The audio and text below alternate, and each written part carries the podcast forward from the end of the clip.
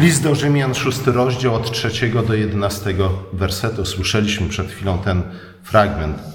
E, Paweł w końcówce, w końcówce poprzedniego piątego rozdziału mówi o zbawczej łasce Bożej. I niestety nauczanie na temat zbawienia z łaski wiele osób w tamtych, ale też pewnie i w dzisiejszych czasach rozumiało w sposób opaczny, ze względu na to, że skoro łaska jest mocniejsza od wszelkiego grzechu, skoro łaska zakrywa wszelkie grzechy, skoro Bóg z łaski, a nie z uczynków nas zbawia, to niektórzy zada zaczęli zadawać pytania, w związku z tym tak naprawdę nie ma większego znaczenia, czy żyjemy w grzechu, czy też żyjemy w sprawiedliwości. Skoro nasze grzechy i nasze przewinienia zostały złożone na ukrzyżowanego Chrystusa i one wraz z Nim umarły, także Bóg, jak Paweł pisze w liście do Kolosan, usunął w ten sposób list dłużny, nas obciążający, to w związku z tym możemy trochę luźniej, swobodniej podejść do grzechów naszych. Może nie koniecznie, że chcielibyśmy grzeszyć, ale jeśli od czasu nam, czasu nam się przydarzy, to nic wielkiego. Paweł mówi nic podobnego. Oczywiście łaska Boża usuwa wszelki grzech, oczywiście krew Chrystusa zmywa wszelki grzech, ale to wcale nie znaczy, to nie powinno prowadzić nas do wniosków takich, że tak naprawdę nie ma znaczenia, czy też grzeszymy, czy nie. Tu w tym rozdziale, w tym fragmencie, Paweł wyjaśnia związek pomiędzy łaską Bożą a życiem bez grzechu. Mówi, że skoro zostaliśmy uwolnieni od grzechu poprzez łaskę Bożą, to dlaczego mielibyśmy żyć w grzechu? Grzech przecież był tym, co czynił z naszego życia piekło. A zatem dlaczego chcielibyśmy robić to, co tak naprawdę najbardziej nam doskwierało? Na wstępnie Paweł przypomina, czym jest chrzest. To niektórych może zaskoczyć, że mówiąc na temat łaski i mówiąc na temat grzechu, Paweł włącza tutaj wątek chrztu. Chrzest, który jest zjednoczeniem z Jezusem. Mówi, że to poprzez chrzest umieramy dla starego człowieka, a więc dla ludzkości skażonej grzechem od czasów Adama, poprzez Umier poprzez chrzest umieramy dla grzechu samego, grzechu jak najszerzej rozumianego, a zatem tego wszystkiego, co niszczy i psuje nie tylko naszą więź z Bogiem, ale tak naprawdę wszelki potencjał dla tego, co dobre i sprawiedliwe w nas. Przez chrzest jesteśmy ochrzczeni w, w śmierć Jezusa. Wrośliśmy w Jego śmierć i podobnie też wrośniemy w Jego zmartwychwstanie. Tu oczywiście Paweł dodaje, słuchajcie, wrośniemy w Jego zmartwychwstanie przez chrzest, który zostanie połączony z naszą wiarą, ze względu na to, że nasze przyszłe zmartwychwstanie jest wciąż przyszłym zmartwychwstaniem, a więc jest czymś, czego musimy uchwycić się wiarą, a nie oglądaniem, dotykaniem i tak.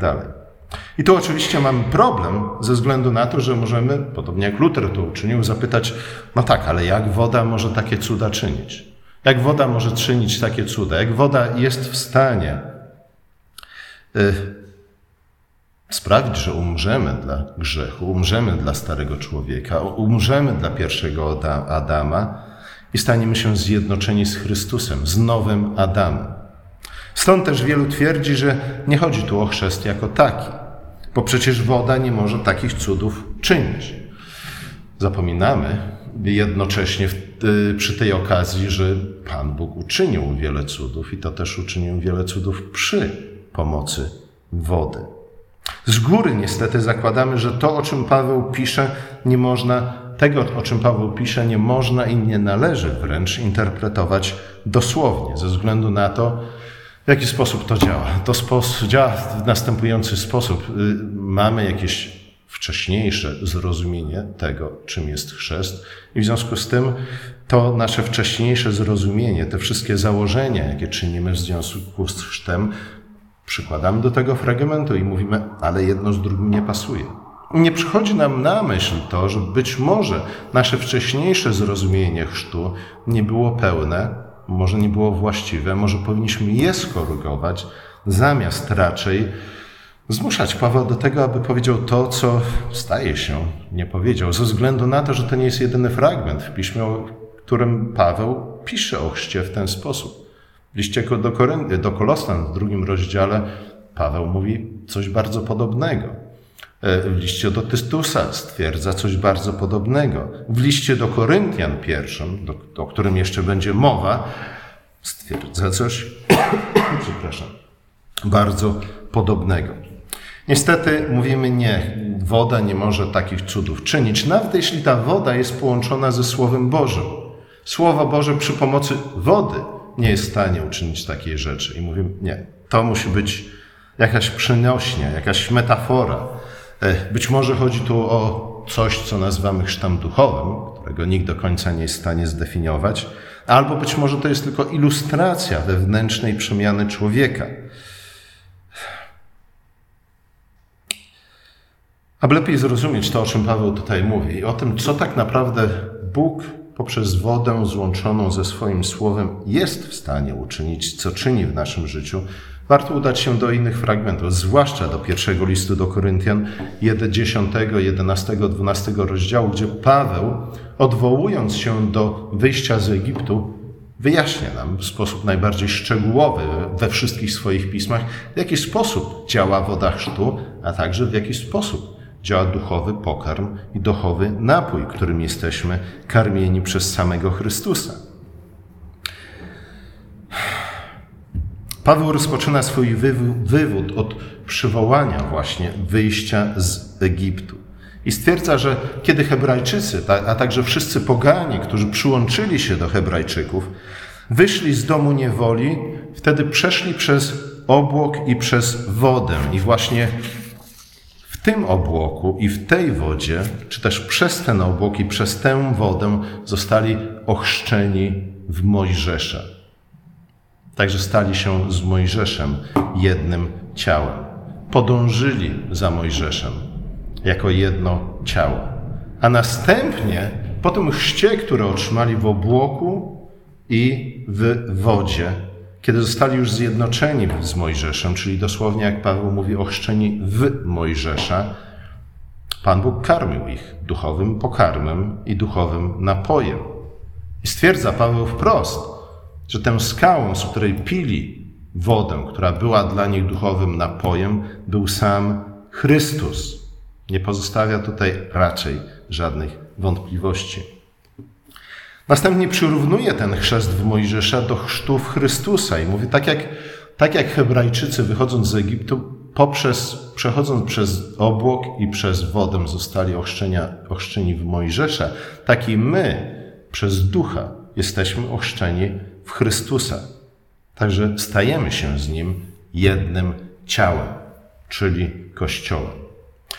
Ba, w dziesiątym rozdziale pierwszego listu do Koryntian Paweł nawet posługuje się bardzo technicznym, specyficznym słowem, wskazując na związek pomiędzy tym chrztem w Mojżesza i chrztem w Chrystusa, a także duchowym napojem i pokarmem, których, którymi Bóg karmił i poił swój lud na pustyni, a duchowym napojem i pokarmem, którym karmi nas teraz przez chleb i przez wino.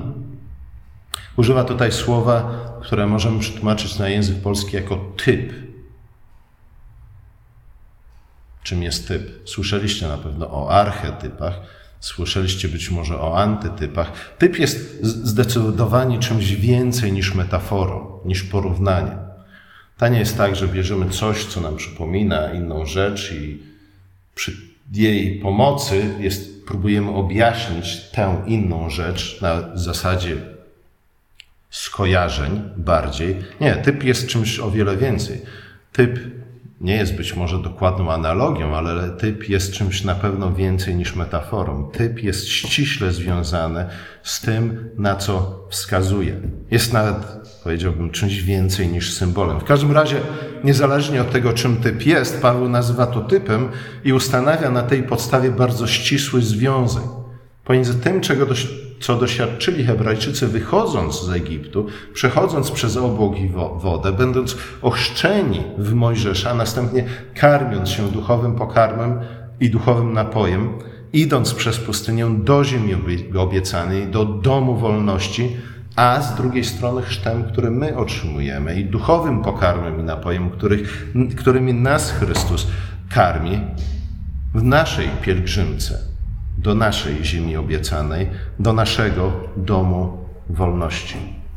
I oczywiście Paweł przy okazji stwierdza: Słuchajcie, oczywiście e, to nowe ciało karmi się lepszym, mocniejszym duchowym napojem i pokarmem, kiedy spożywa ciało i krew zmartwychwstałego Chrystusa. I zmierza ku lepszej ziemi obiecanej, czyli do pełni Królestwa Bożego. A jednak chrzest mojżeszowy, tak jak chrzest mojżeszowy jednoczył z Mojżeszem, tak chrzest Chrystusowy, moglibyśmy powiedzieć, jednoczy nas z Chrystusem.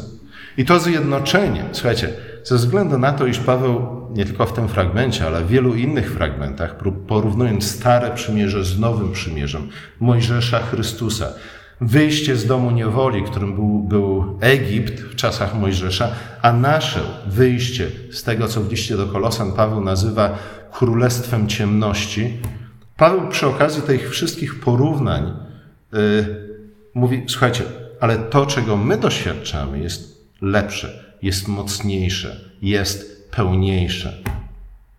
W związku z tym moglibyśmy powiedzieć, jeśli tamten chrzest jednoczył Hebrajczyków z Mojżeszem, to ten chrzest jednoczy nas z Jezusem tym bardziej, tym mocniej. Jest to lepszy chrzest, który nie tylko jednoczy nas z nowym, lepszym Mojżeszem, ale czyni to również w mocniejszy sposób. Niemniej jednak nie zapominajmy o tym, co Paweł pisze dalej w 10-11 rozdziale pierwszego listu do Koryntian. Mówi, słuchajcie, ale pamiętajcie o tym, że ci wszyscy, którzy byli ochrzczeni prawdziwie w Mojżesza, prawdziwie z nim zjednoczeni, ci, którzy karmili się prawdziwym duchowym pokarmem i pili prawdziwy duchowy napój, ci, którzy pod górą Synaj przyjęli prawo Boże i powiedzieli: Tak, wszystko, co powiedział Pan, uczynimy, będziemy posłuszni. Wielu z nich umarło na pustyni. A zatem już tutaj Paweł mówi: Słuchajcie, to nie działa jak jakiś automat. Nie wystarczy wejść do wody, czy też być pokropionym wodą. Nie wystarczy być ochrzczonym. Nie wystarczy spożywać duchowy pokarm i duchowy napój ze względu na to, że potrzebna w tym wszystkim jest również wiara.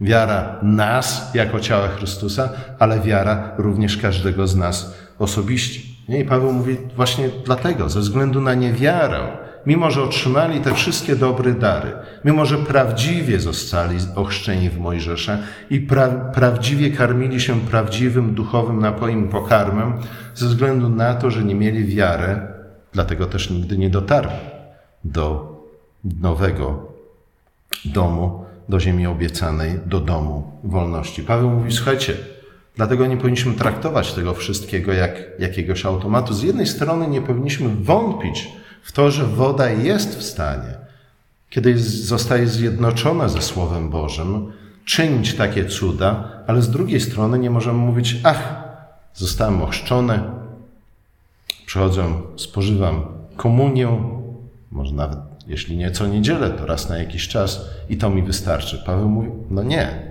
nie, to wszystko są prawdziwe i dobre dary Boga, które czynią prawdziwe i cudowne rzeczy w naszym życiu. Ale jeśli z nich nie wyniknie nasza osobista wiara, to niestety umrzemy.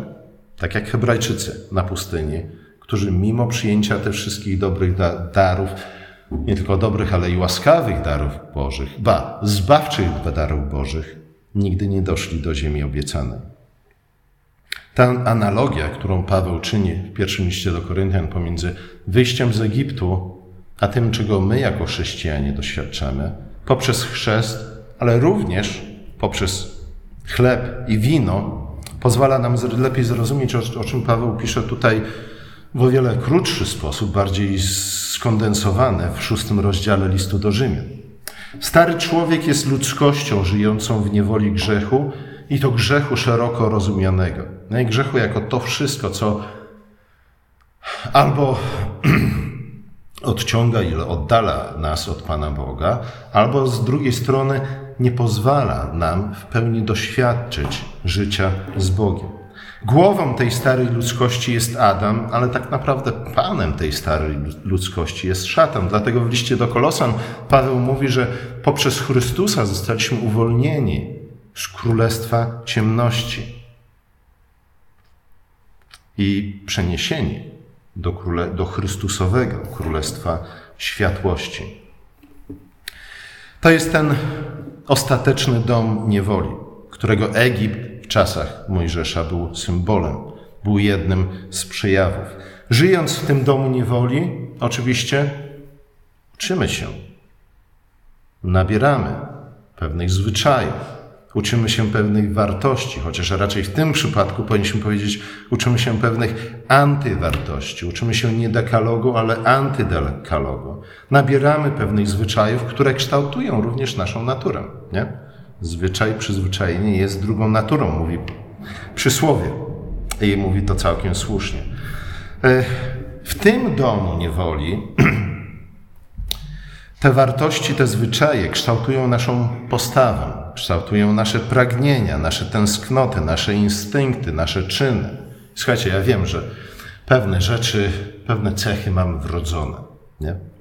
Wiem, że toczy się dyskusja na temat tego, co jest ważniejsze w kształtowaniu ludzkiego charakteru, czy, czy natura, czy kultura, ale wydaje się, że Pismo Święte, nie ignorując natury, wrodzonych różnic między nami, raczej jednak stawia akcent na kulturę.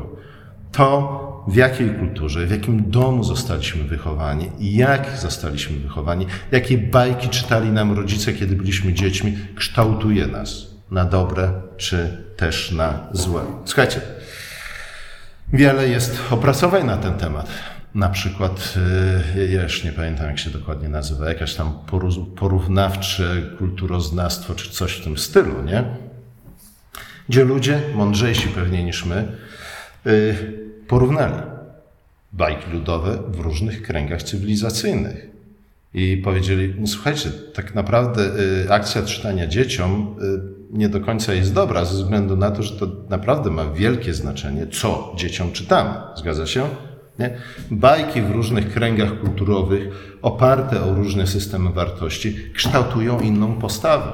I stąd też mamy czasami problem ze, z porozumieniem ze zrozumieniem tego, dlaczego my podziwiamy pewnych ludzi, my pewnego typu ludzi nazywamy bohaterami, ideałami, których przynajmniej podziwiamy, a nawet czasami staramy się naśladować, a w innych kręgach kulturowych jest to całkowicie niezrozumiałe. Nie? Podziwia się kogoś innego, ktoś inny jest nazywany bohaterem. Tak to działa. Kiedy jednak zostajemy uwolnieni z tego domu niewoli, tak jak Hebrajczycy zostali uwolnieni z domu faraona, kiedy zostajemy ochrzczeni, zostajemy zjednoczeni z Chrystusem, On wtedy staje się naszą głową, my Jego ciałem. Od tej pory naszym Panem, ale również naszym Ojcem jest Bóg, dobry Bóg w niebie. Nie? Stajemy się członkami innej rodziny, stajemy się członkami innego społeczeństwa, stajemy się członkami mogliśmy powiedzieć, innej cywilizacji, która opiera się na innych wartościach, która kultywuje inne zwyczaje, która w związku z tym kształtuje nas w inny sposób, w której nabywamy nowych wartości, nowych zwyczajów, które kształtują na nowo naszą postawę, nasze pragnienia, nasze tęsknoty, nasze instynkty i w końcu oczywiście nasze uczynki. Tym razem jest to jednak odmienny, dobry, prawdziwy, słuszny, sprawiedliwy, właściwy zestaw zwyczajów, tęsknot, wartości i tak dalej. Słuchajcie, potrzebujemy tego wszystkiego. Potrzebujemy tego wszystkiego, aby, aby ten nowy da, dom, aby ten dom wolności, do którego zmierzamy, nie stał się ponownie domem niewoli abyśmy z tego, z ziemi obiecanej nie uczynili ponownie Egiptu. Bo wtedy jaki miałby sens, jakie miałoby sens w ogóle wyjście z Egiptu? Być może tylko taki, że w ziemi obiecanej to my moglibyśmy, moglibyśmy być faraonem. Już nie musielibyśmy służyć innemu faraonowi, ale sami moglibyśmy być faraonem. Niestety z tej nowej ziemi obiecanej uczyniliśmy, uczynilibyśmy znów nowy Egipt, który być może stał, stałby się nawet gorszym Egiptem niż ten, z którego wyszliśmy. Bardzo często nam się wydaje, że jeśli tylko my, to my moglibyśmy stać się faraonami, to bylibyśmy lepszymi faraonami. Przynajmniej myśmy na tym, na tym zyskali. Tak nie jest. Nie? Znów, to nie dzieje się automatycznie. Żebyśmy my mogli być nowymi, lepszymi, dobrymi, szlachetnymi faraonami, musimy odrzucić to, czego nauczyliśmy się, nawet jako niewolnicy w Starym Egipcie, w Starym Domu Niewoli. Słuchajcie, kiedy przyjrzymy się tej całej historii Eksodusu, wyjścia z Egiptu, widzimy, że to był jakby największy problem dla Hebrajczyków. O tym też Paweł wspomina w liście do Koryntian, że wyszli z Egiptu, ale jak to się mówi, Egipt nigdy nie wyszedł z nich, nie? Mimo, że żyli w tym Egipcie jako niewolnicy, zostali ukształtowani przez kulturę, cywilizację, zwyczaje Egiptu.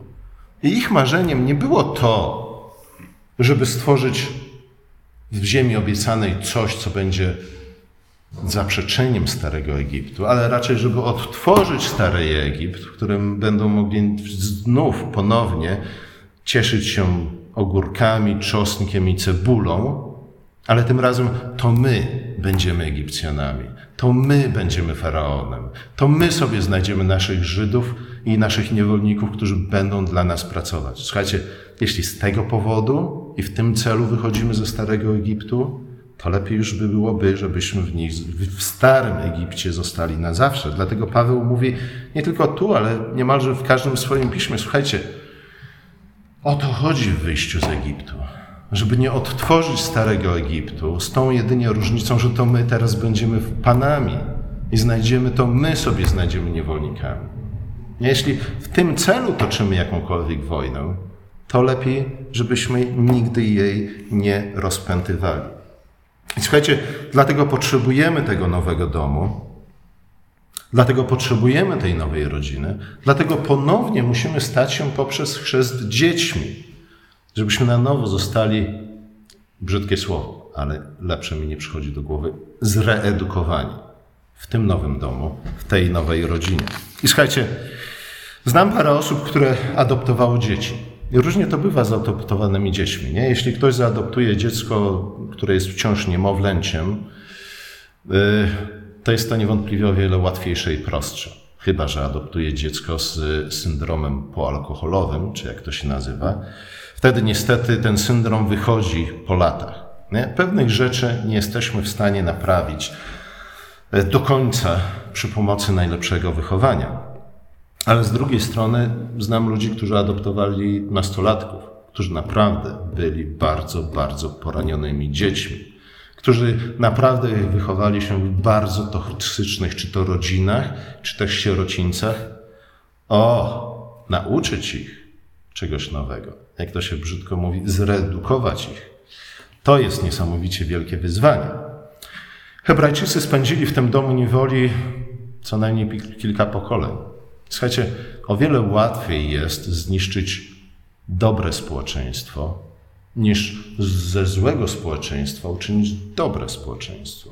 I znów tutaj możemy się, możemy to sprawdzić, możemy to zakwestionować, ale generalnie rzecz biorąc, ludzie, którzy zajmują się badaniem tego, w jaki sposób zmieniają się społeczeństwa, mówią, że tak, nie, zmienić się na gorsze, w jednej chwili jesteśmy w stanie zmienić się na gorsze. Nie? To nie jest tak, że wszyscy Niemcy w 1939 roku byli źli. Nie? Niemniej jednak w przeciągu kilku lat wojny większość z nich była zdolna do rzeczy, które przed wojną nigdy by im nie przyszło na myśl. Nie? Popsuć się jesteśmy w stanie bardzo szybko. Ale zmiany na lepsze, zachodzące z pokolenia w pokolenia, są mierzone zaledwie w paru procentach, gdzieś pomiędzy 10 a 5-10% ogólnej poprawy jest w stanie zajść zazwyczaj, statystycznie rzecz biorąc, przy potężnym wysiłku z pokolenia, z pokolenia na pokolenie. To nie jest łatwe, to nie jest proste. W każdym razie Paweł mówi, Paweł wzywa w związku z tym wszystkich ochrzczonych w Chrystusa i zjednoczonych z Chrystusem poprzez chrzest, aby uważali samych siebie za umarłych dla grzechu, a żyjących dla Boga w Chrystusie. Uważali samych siebie, to jest techniczne słowo, które notabene w liście do Rzymian pojawia się, pojawia się kilkukrotnie. E, logozomai, możemy je tłumaczyć jako uważać, chociaż raczej ponieważ to jest to słowo zapożyczone, e, jak to się nazywa, z księgowości chyba. Nie? Raczej powinniśmy mówić nie o uważaniu, no bo księgowy nie może, a to te 5 zł będę uważał za przychód, a tamte 7 za, za rozchód. Nie? Raczej powinien przypisać odpowiednie liczby do odpowiednich, do odpowiedniego czego? Kolumn, tudzież wierszy, nie? Żeby był porządek w księgach. Być może zatem powinniśmy raczej uważać, y, przetłumaczyć to słowo bardziej jako zaliczać, czy też poczytywać, nie? E, niż, niż uważać. Ale nie będzie uważać. Paweł posługuje się tym słowem między innymi w czwartym rozdziale, kiedy mówi o tym, że pracownikowi zapłatę nalicza się jako należność, a nie jako łaskę. Nie? To jest to samo słowo. A zatem naliczajmy się, zaliczajmy się. Nie? Traktujmy siebie tak, jak byśmy rzeczywiście byli, kim jesteśmy. Nie? Bo na tym często polega nasz problem. No tak, nie jesteśmy chrześcijanami, jesteśmy nawet być może nowonarodzonymi chrześcijanami i tak dalej, i tak dalej. Nie jesteśmy niewątpliwie poganami czy też ateistami, ale Paweł mówi, jeśli tak jest, to znów uważajcie siebie za, za takich. Innymi słowy, traktujcie samych siebie jako ochrzczonych w Chrystusa, jako dzieci Boże, jako członków nowej rodziny, której głową jest nowy, lepszy Adam. Traktujcie się rzeczywiście samych siebie jako będących członkami ciała Chrystusa. I teraz, co to znaczy traktować siebie jako członka ciała Chrystusa?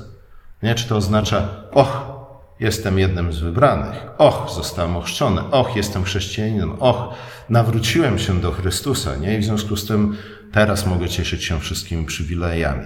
Niewątpliwie tak, nie? Ale znów na tym polega różnica pomiędzy złym Egiptem, tym domem niewoli, a Królestwem Bożym, że powinniśmy rozumieć, iż przywilej zawsze wiąże się z czym? Z zadaniem, z powołaniem do czynienia czegoś, do robienia czegoś, z jakąś odpowiedzialnością, jak to dzisiaj się mówi.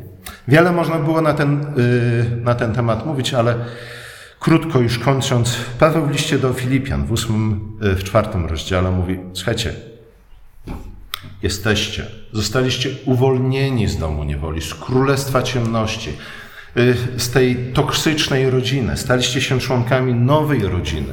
W związku z tym miejcie na uwadze wszystko to, co prawdziwe, co godne czci, co sprawiedliwe, co czyste, co miłe, co szlachetne, co jest cnotą, co zasługuje na pochwałę. Nie? Innymi słowy, Paweł mówi, słuchajcie, Powinniśmy nauczyć się cenić to, co naprawdę jest warte tego, żeby to cenić. Nie? Podziwiać to, co jest godne podziwu. Nazywać dobrym i prawdziwym i szlachetnym to, co tym rzeczywiście jest. To nie jest takie proste. Nie? Do tego potrzebujemy, potrzebujemy przynajmniej raz przeczytać Pismo Święte. A być może przeczytać jeszcze parę innych dobrych książek, nie? Ba, to też nie przychodzi tylko i wyłącznie z czytania, ale o tym za chwilę. Paweł mówi: czyńcie to, czego się nauczyliście i co przyjęliście, i co usłyszeliście, i co zobaczyliście we mnie. Nie? I tu warto zwrócić uwagę na liczbę mnogą, którą Paweł się posługuje, ze względu na to, że Paweł te wszystkie zalecenia swoje, te wszystkie dobre rady kieruje do kościołów. Oczywiście Paweł pisał również listy do Tytusa, do Tymoteusza, ale pisał do nich jako do tych, którzy byli, którzy służyli w kościele. Nie? A zatem nawet te listy możemy potraktować jako zaadresowane do kościołu. Nie? I to nie powinno nas dziwić, że nagle zaczynamy mówić o kościele, nie powinno nas dziwić to, że Paweł nazywa Kościół ciałem Chrystusa, w którym my wszyscy jesteśmy różnymi członkami, ale jesteśmy i czynimy różne rzeczy, pełnimy różne funkcje, ale czynimy to wszystko dla wzajemnego zbudowania, po to, aby całe ciało mogło wzrastać w Chrystusie. Innymi słowy, zabiegajmy o to, o co warto zabiegać, do czego, dlaczego warto żyć, a nie tylko nawet umierać. Ponieważ jednak jesteśmy istotami społecznymi. To znaczy, że kultura i społeczeństwa, w których żyjemy, kształtują nas. Nie? I, I o to chodzi Pawłowi w jego wywodzie. Słuchajcie, trwajmy. Trwajmy w ciele Chrystusa, w, którym, w które zostaliśmy ochrzczeni. którego częścią staliśmy się poprzez chrzest. Trwajmy innymi słowy w kościele, w który włączył nas chrzest. I oczywiście to trwanie, o tym trwaniu moglibyśmy mówić długo i na wiele różnych sposobów, ale żeby już nie przedłużać, dzieje apostolskie, nie? drugi rozdział, 42 werset. Tam znajdujemy pierwszy opis tego, jak wyglądało życie Kościoła, czyli życie tych wszystkich, którzy zostali ochrzczeni w wyniku zwiastowania apostolskiego. Te trzy tysiące w dniu zesłania Ducha Świętego i jeszcze być może parę innych tysięcy. Y, przy czym ten opis następuje na samym początku tego, co moglibyśmy nazwać epoką apostolską. Nie? Pierwszy opis. A jeśli to jest pierwszy opis życia, życia Kościoła, który został stworzony poprzez chrzest, dlatego być może powinniśmy szczególną wagę, uwagę poświęcić, przyłożyć do tego fragmentu, bo no, jako pierwszy jest też fundamentalnym opisem. I tam Łukasz pisze, że ci wszyscy, którzy zostali ochrzczeni, trwali w nauce apostołów, trwali we wspólnocie, trwali w łamaniu chleba, trwali w modlitwie. Wydaje się, że właśnie to trwanie w nauce apostołów, we wspólnocie, w łamaniu chleba i w modlitwie jest nieodzowne do tego, abyśmy nie tylko wyszli z domu niewoli, nie tylko zostali uwolnieni z królestwa ciemności, ale mogli również wejść do naszej ziemi obiecanej i cieszyć się, nie tylko cieszyć się w pełni jego owocami, jej owocami, ale również mieć udział w jej zagospodarowaniu.